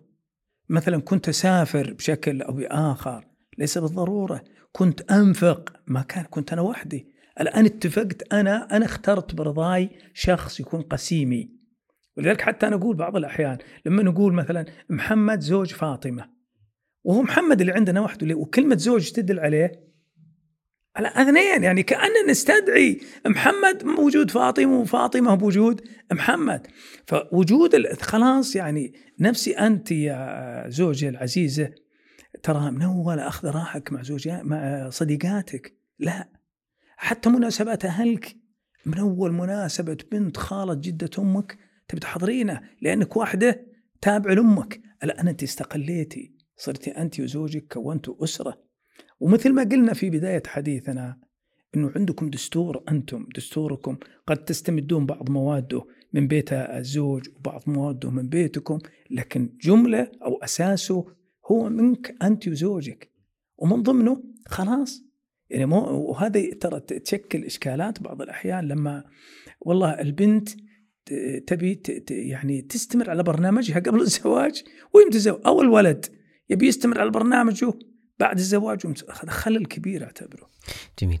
آه، جزء من المقارنات اللي يعني يدعى أنها تقلل من المشاكل الزوجية فكرة أن الثقافة التربوية عند الرجل وعند المرأة وأن ال- اللي يكون عندهم معرفة وثقافة تقل نسبة الطلاق والمشاكل عندهم.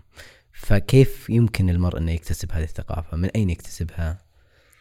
اولا الثقافة وحدها لا تصنع شيئا. الثقافة ما لم تتحول إلى سلوك. لا تصنع شيئا. ولذلك القديم أعتقد انه إبراهيم الحربي رحمه الله يقول نحن إلى قليل أدب أحوج منا إلى كثير علم. فالمسألة ليست يعني بعض الأحيان تتصل علي زوجي وتقول لي زوجي يلقي دورات تدريبية أو يلقي محاضرات. طبعا قد تكون تتجنى شوي لكن الأق- فعلا أعرف ناس يعني علاقاتهم الأسرية مرتبكة وهم يؤلفون كتب في الحياة الزوجية. فليست المسألة مسألة وجود ثقافة، الثقافة أنا حتى أقول إنه في حنا ياخذنا مصطلح آه، التربية. الثقافة الدينيه ون- ونتوقع إنه هو التربية الدينية، لا التربية الدينية شيء والثقافة الدينية شيء. حنا غالب شغلنا على الثقافة الدينية. نحفظ عيالنا نحفظهم القرآن الكريم هو ممتاز. نحفظهم الأحاديث نحفظهم الأذكار لكن هذا كله ثقافة دينية. التربية الدينية الممارسة على أرض الواقع. وأول شيء يغرس هذه الممارسة ويمثل مسامير لها هو كوني قدوة له. هذا أمر أساس بالنسبة للموضوع. يعني في لكن من المؤكد أنه يعني أنا أنصح أي شاب أو شابة يقدم على الزواج على أقل الأحوال أنه يحاول أنه يدخل دوره. وطبعا حتى نكون أكثر يعني آه، وضوح صراحة. ليست كل دورة طبعا آه، لأنه في دورات تغذي الجانب الثقافي لا أقل ولا أكثر. لكن أنا أعتقد يعني آه، العمويين عندهم مثل يقولون العطشان يرد الحوض. يعني إذا كنت أنا جاد في بحثي عن ثقافة زوجية جيدة ممكن أبحث عن أشخاص وأسألهم هل في كتب هل فيه مثلا محاضرات هل فيه لقاءات هل فيه دورات؟ وأنا دائما أفكر أنه الأهل يجتهدون يختارون قاعة مناسبة وقد يحطون فيها ديكور بقيمة مبلغ وقدره قد يخططون للرحلة قد تكون البلد مميز قد قد قد طيب يا أخي هذا كله تراه؟ مثل لمبات الزواج قديما كانوا قديما أيام الطيبين يحطوا لمبات. يعني هذا هو الفارق بين الزواج ما قبل الزواج وما بعد الزواج. طيب بعد ما تهدى الأصوات وش اللي يصير؟ هل أعدينا له؟ هذا هو التحدي يعني وهذا اللي ينبغي. ولذلك أنا مثلا برسالتي الدكتوراه اللي طبعتها وصايا الآب للأولاد آه، أوردت جملة من الأشخاص كانوا وصوا بناتهم وكنت أنا الآن بعض زملائي إذا تزوجت بنت وقلت اقترح عليك اقتراح اعطي نماذج ما ذا إنك توصي بنتك. وص ولك وص بنتك. خلوا عندنا ثقافة يعني. أنا كزوج مثلا قد أكون وقعت في أخطاء زوجية أول حياتي وبعد مرور الوقت بديت أنضج بديت أفهم. خال يا أخي اختصر لولدي حتى لا, لا يمر بالطريق نفسه اللي أنا مريت فيه يعني. فكرة القراءة. إنه يقرؤون في بعض الكتب أو يعني يصير فيه جانب آه، اللي هو المعرفي هذا جيد هو هو ممتاز بس ليس لازم ينعكس أي كتاب آه، نختار لنا كتب وأنا أعتقد إنه أي أحد يتصل على مختص أو خبير بالتأكيد بيدله على بعض الكتب الجيدة والمناسبة. يا سلام. يعني في ناس كثير لما تجي تتحدث معهم عن الجانب الأسرة يتحدثون عن المشاكل مشاكل مشاكل. حتى ينفرون الشباب عن عن فكرة تكوين الأسرة. هو هو أنا أقول لك الآن حتى يعني في صوت عالي بعض الأحيان بوسائل التواصل. مثلا أنا حتى مر علي يعني بعض اللي المشهورات مرت علي. يعني بأسمائهن في في مشكلاتها الزوجية. فلما انتهت بالطلاق راحت تلعن الرجال كلهم وسوت له صوت بدأت تجلد كل الرجل. طيب يا أخي أنا وش ذنبي؟ يعني زوجة ابى أفترض إنه مخطي ابى أفترض إنه كان يستخدم العنف. يا أخي هذا يمثل نفسه مو يمثل كل الرجال يعني.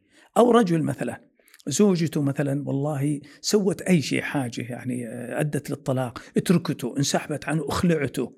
مع إنه حتى قضية الخلع يعني بعض الأحيان لا ظروفه وأنا مر علي قضايا لا ظروفه يعني. طيب قام يلعن النساء كلهن ويسب النساء كلهن. هذول أصوات عالية. قد يملؤون ضجيج وكذا.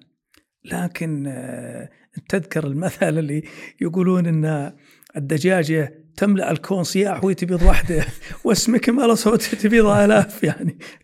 جميل. طيب ودي ناخذ بعض الأمثلة يعني آه، يعني آه، خلينا نقول الدافعه إلى أو المشرفة لفكرة تكوين الأسرة. إذا كان في مشاريع مثلا أسرية رائعة ينبغي إن الواحد يسعى لها أو في أمثلة مرت عليك والله يا أخي كثير الأمثلة م. الجميلة كثير جدا يعني يمر علي والله يا أخي إني أفرح جدا وأغبطهم وجزء جزء من عقليتهم ويعني حياتهم إنهم تلقاهم يستشيرون ويستشيرون كلهم وبريحية ويقصدون ترى مبسوطين ترى نحب بعض لكن إحنا ودنا يعني نعرف الشيء قبل ما نصل له حتى ما نقع في إشكالات أو أخطاء. وفي برامج سبق اني وضعتها وجدت كثيرين يتسابقون لها.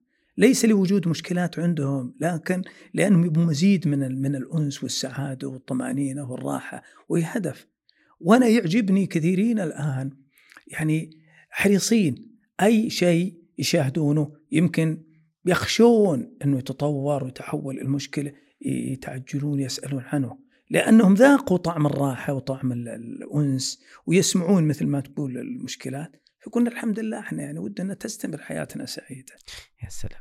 آه، أحيانا المشكلات تأتي بعد آه، كما ذكرنا إحنا إحنا قاعدين نتكلم عن داخل الأسرة، أحيانا بعد الانفصال. يعني لا قدر الله ما توافق الشريكين في في حياتهم وكان بينهم أبناء أو لم يوجد. المشاكل التي تأتي بعد بعد الانفصال، كيف يكون التعامل معه؟ وش يعني التوصيات في مثل هذا؟ يا أخي يعني أحيانا يحصل طلاق يعني أنا أعجبني واحد يقول إذا كنا فشلنا في الزواج فلننجح في الطلاق. إذا كنا فشلنا في الزواج على الأقل ننجح في الطلاق. طيب خلاص كلنا مقتنعين وكل واحد منا كتب الله له كذا. المشكلة أكبر شيء لما يكون في أولاد. ويكون الأولاد يتخذون كرهائن إن صح التعبير. بين يعني محاربين. هذه من أسوأ الأشياء اللي تمر علي. يعني يكلمني مثلا أبو يصير له سنة كاملة ما شاف طفلته أو طفله أو أم نفس الشيء أو مضارة. يعني والله سبحانه وتعالى في القرآن الكريم يعني نهى آه، ولا تضارهن تضيق عليهن. في القضية يعني بعضهم يتربص بها ليس حبا في أخذ الولد لكن كنوع من الضغط. وهذا الحقيقة اللي يحكم دائما يا أخي. أنا يعجبني كان عمر بن عبد العزيز رحمه الله آه، وهو خليفة جاله واحد مسوي له تكلم عليه كلام سيء لا يليق فقال كلمة عجيبة جدا. قال لولا أني غاضب لعاقبتك لولا أني غاضب لعاقبتك لأنه يعرف أن الغضب قد يخرجني عن طوري فأعاقبك بما بأكثر مما تستحق. وعمر ورد عنه كلمة جميلة جدا يقول التقي ملجم التقي ملجم واللجام وشو اللي تمسك فيها الدابة. يعني كأن التقوى تمثل لجاما للإنسان العاقل في تصرفه سواء في كلامه أو في بعض تصرفاته. فالإنسان يتقي الله سبحانه وتعالى ويعرف أن الدنيا معبر وأنه ترى لن يعني كل شيء يعمله مكتوب ومسجل وسيجازى به. يعني هنا إذا هذا إذا لم يكن يحافظ على الأقل على سمعته لأنه يا أخي حتى في الطلاق لما واحد مثلا يخطب من ناس وهو مطلق اسأله وقال والله جزاه الله خير يعني اكتشف ما بينهم توافق وطلق بستر وسلام وكذا. قد يزوجونه ذلك لكن لما يعرف إنهم وصلوا المحكمة وصار في قضية وكذا الناس تخوفون شوي. طيب أنا ودي في بعض كذا الأشياء نحتاج فيها بس لو الماحة آه، وهي تنوير للناس آه، المقبلين على الزواج إيش يحتاجون؟ قلنا إنهم يحتاجون اختيار يعني الإنسان يختار مثل ما بديت في البداية يختار وطبعا لما يكون من الأصل من الأصل يا أخي يعني نيته طيبة إنه يريد مثلا إنه يعف نفسه يريد إذا كان ذولا ربوا بنتهم يا أخي 20 25 30 سنة أنا باخذها الآن طيب إذا إيش يجب علي؟ يجب علي يا أخي أن أحافظ عليها، أن أرعاها، أن أراعيها، أن أصبر عليها، أن أجتهد فيه. لا يعني طي طبعا آه، حتى في قضايا تأديب بطريقة مؤدبة أو مساعدة أو مناقشة أو تعديل سلوك بس بطريقة آه، يعني آه، جيدة وعاقلة. ما عندي مشكلة لكن أن يكون الإنسان يأتي بتشوهات معرفية نقلها من بيئته فيريد أن يسقطها على المرأة أو تأتي حتى البنت مثلا بتشوهات معرفية وتريد تتعامل فيها مع الزوج. هذه أشياء غير جيدة إطلاقا يعني. فلما يكون الإنسان يعني من الأصل وأنا يمكن قلت لك قبل الحلقة يعني أنا دائما أتذكر حديث النبي صلى الله عليه وسلم عن البيعين وهو يتكلم عن البيعين يمكن يبيعون بعشر ريالات. يقول إذا صدق وبين بورك لهما في بيعهما. فإذا كان عقد الزواج الله سبحانه وتعالى جعله ميثاق غليظ مثل النبوة. يجب على الزوجين أن يصدقا ويبينا حتى تكون حياته مباركة وجيدة. يا سلام. طيب سنة أولى زواج كما يسميها الدكتور عيش شبيلي حفظه الله. سنة أولى زواج إيش يحتاج؟ يحتاج استعداد إنه يهبط على الأرض يعني دائما اللي فوق ترى يعيش أجواء معينة. لابد يعرف إنه في النهاية بيسقط على الأرض بتألم رجليه شوي ويحتاج توازن. ومن يناظر شوي البيئة ويعرف شلون يمشي. لأنه من الطبيعي جدا أي حياة زوجية. في البدايات فيها جانب من النشوة يعني والمجاملة وما يتصل فيه. لكن في النهاية أنا أقول دائما التحدي هو في بدايتك بعد ست شهور أو سنة. إذا بديت البداية ترى البداية صحيح تبدأ من هناك من أول ليلة يعني. إضافة عنه طبعا من أول ليلة جيد ان أن يرقب الإنسان تصرفاته لأنه يكون في حساسية شوي. كل واحد متوفز قد يكون متوتر. فإذا أحسننا يعني مثلا التهيؤ النفسي لكل واحد منا للاخر ثم عبرنا المنطقة إن صح التعبير هذه واستطعنا أن نعبر المنطقة الحقيقية أو نأسس للحياة الحقيقية من بعد المرحلة المجاملة هذه. أنا أظن بإذن الله سيكون النجاح. يس المتأخرين عن الزواج أو العازفين. ماذا ماذا يوصان؟ والله يا أخي في ناس يقسون عليهم ويقولون عمر بن الخطاب يقول يعني آه، عن واحد قال لماذا لا تتزوج؟ لا أظن أن منعك إلا عجز أو فجور لكن إحنا نقول إنه أنا آه، كنت حريص على أن ألتقط بعض الأشياء بس بشكل عملي فلفت نظري واحد كلمني مرة كان عمره 35 سنة ويقول إن واحد عرض علي بنته. لاحظ عرض يعني ما كأنه يقصد الزواج وكأنه أعجبه معجبه الرجل وكذا وشاورني.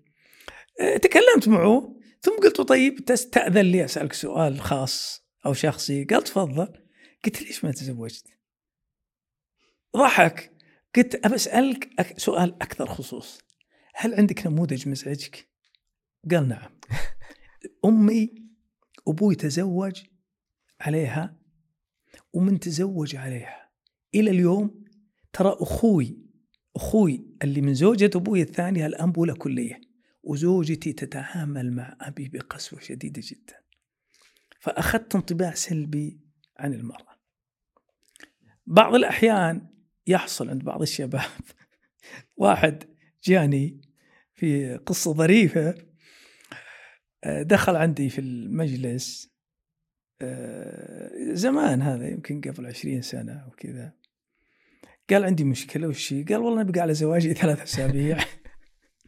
الرجل هادي وطيب و... واني ثقل ودي أكنسل الزواج. إيه. خير إن شاء الله. طيب أنا بسأل قبل كل شيء وش الزوجة؟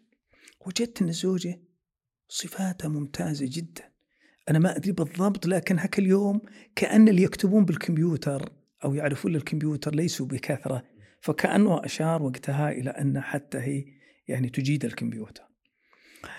ف طيب اذا إحنا الحين المنطقة ذي تعديناها. قلت طيب أنت براسك أحد ثاني؟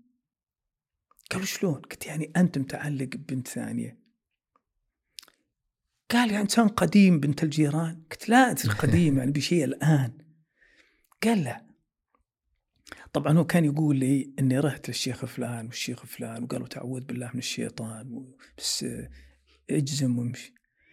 أنا يوم قلت له كذا وقال لي كذا قلت له طيب أجل أقترح عليك تطلقها وتعطيني عنوانها. هو طبعا ما مصدق يعني شو القصة. قال لي وش معنى الكلام؟ يعني وش تقصد؟ هو مندهش يعني. إي قال كيف؟ قلت والله في ولد خالي بيتزوج قلت اختصرت انت الطريق يعني. قال يعني وش تقصد؟ قلت أقصد إن عندك مشكلة ما قلتها لي. أصفر وجهه جدا أو أحمر خجل.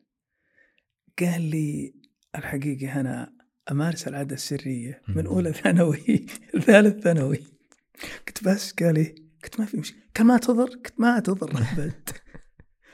كلمني في الأسبوع الرابع. سبحان الله مبسوط جدا لاحظ مشكلة حتى التحرج من الأخبار. يعني هو رايح يقول لفلان وفلان بس والله أنا ودي أكنسل الزواج ما ارتحت. أنا طبعا لو إنه قال لي مثلا والله اكتشفت زوجي فيها كذا ولا كذا ولا كان بنفسي أحد ثاني ولا ممكن لكن ما في شيء يعني. فأنا توقعت إنه في ثم جاء الموضوع راح علي وقت فجاني شاب ثاني وقال لي إني آه إخواني يقولون تزوج وما أدري كذا. فعاد أنا مباشر اختصار لي الرجال التفت عليه تتمرسل عاد قال لي ما تضر. قلت لا ما تضر الخبرة صارت فانا أقول مشكلة بعض الشباب أحيانا يكون في يعني صورة نموذجية مشوهة. أحيانا يكون الحديث مثلا عن تأثير الأمور ذي كذا أحيانا يصير عنده فهم خطأ للبنات من خلال ما يسمع. يعني فهذه أشياء أعتقد إلى حد ما انها بعض الناس لا قد يكون هو شاك بنفسه. يعني إحنا مش مشكلة إنه شاع الآن مع وجود المقاطع الإباحية مثلا كثرة أو إدمانها ويتابع إدمانها كثر إدمان ممارسة العادة السرية. هذا بالتأكيد بيوجد خلل آه، يحس فيها الإنسان. فكأنه يا الرجل طبعا يعتبر ممارسته في كثير من الرجال يعتبره معادل موضوعي للفحوله الرجوله الفعول. فهو كانوا إذا خجل قدام المرأة معناه انكسر انكسار كميل. فكأنه يؤثر إنه ينسحب من الأصل حتى ما يتورط و... جميل جدا. آه، في على هالجانب آه، لكنه على في جانب الفتيات. أحيانا لما تتأخر البنت يكون في حرج عليها. كبرتي فاتك القطار يؤثر عليها اجتماعيا فكرة إنها كبرت وما ما تزوجت. فإيش التوصيات في مثل هذا؟ والله يا أخي أنا يعني دايم صلتي بالفتيات من زمان من زمان وكثير من الفتيات تتواصل معي و... وكم بثنا من دفاتر وكتابات وكنت الحقيقة أجد سبحان الله بعض البنات مرة من الأشياء اللي أثرت فيني بشكل كبير. أنا من طبيعتي إن إذا كلمتني يعني امرأة أقول يا بنتي.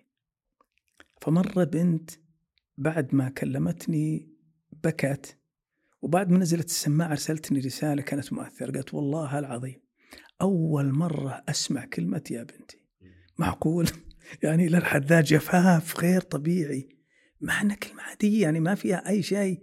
ووجدت أن البنات يعطوني من الأسرار الدقيقة لشعورهم بالأمان نتيجة الأبوة اللي تضفيها بكلامك عليهم ومع قضايا ما يعطونها لهم يعني مرت علي أشياء أتألم جدا.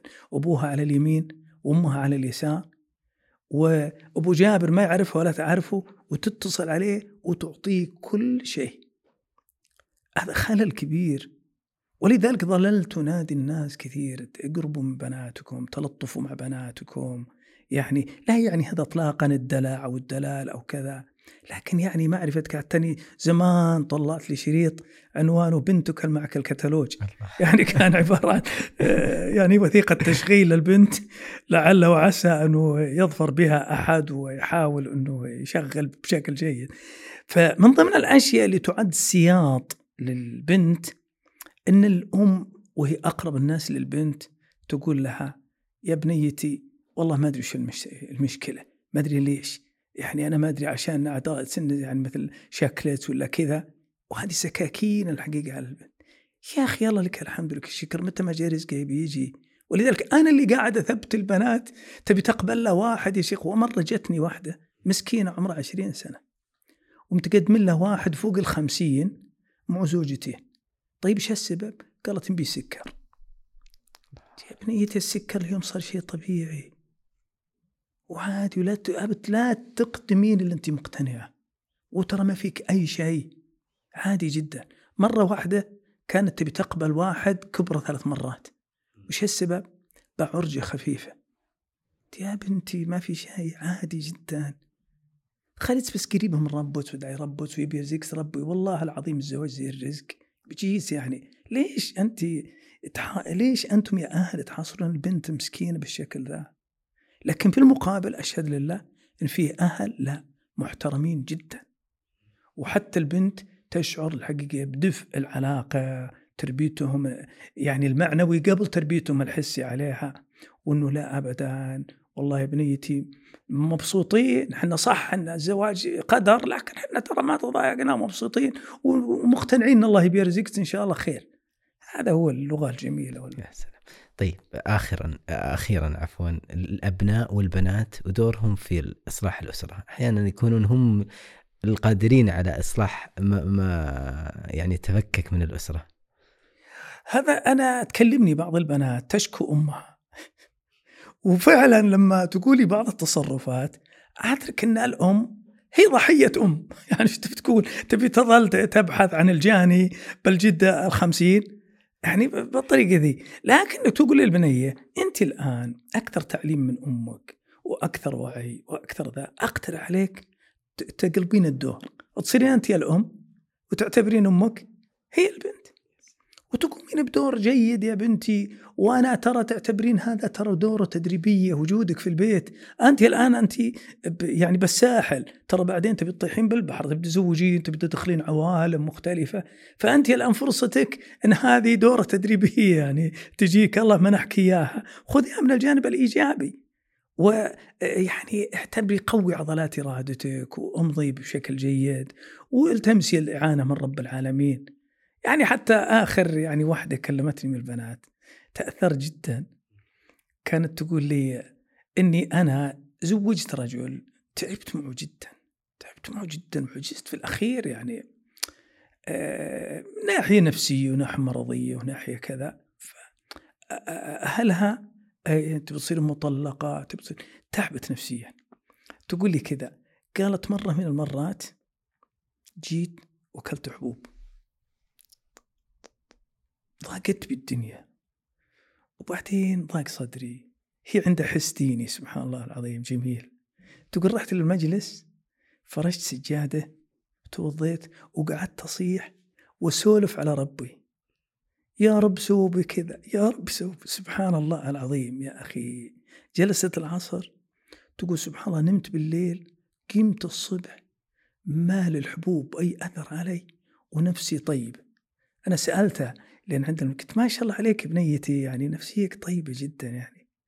قالت والله شيء مر علي بس الحمد لله. الله يعيننا الله المستعان نبغى نختم بوصايا للجميع في جانب الأسرة للرجال والنساء عموما. والله أنا أقول الأسرة على اسمها أسرة. الأسرة ترى مأخوذة من الأسر وهو الربط. يعني الإحكام الربط. فأنا أقول ترى نعمة من رب العالمين تنتمي الأسرة. نعمة كبيرة جدا.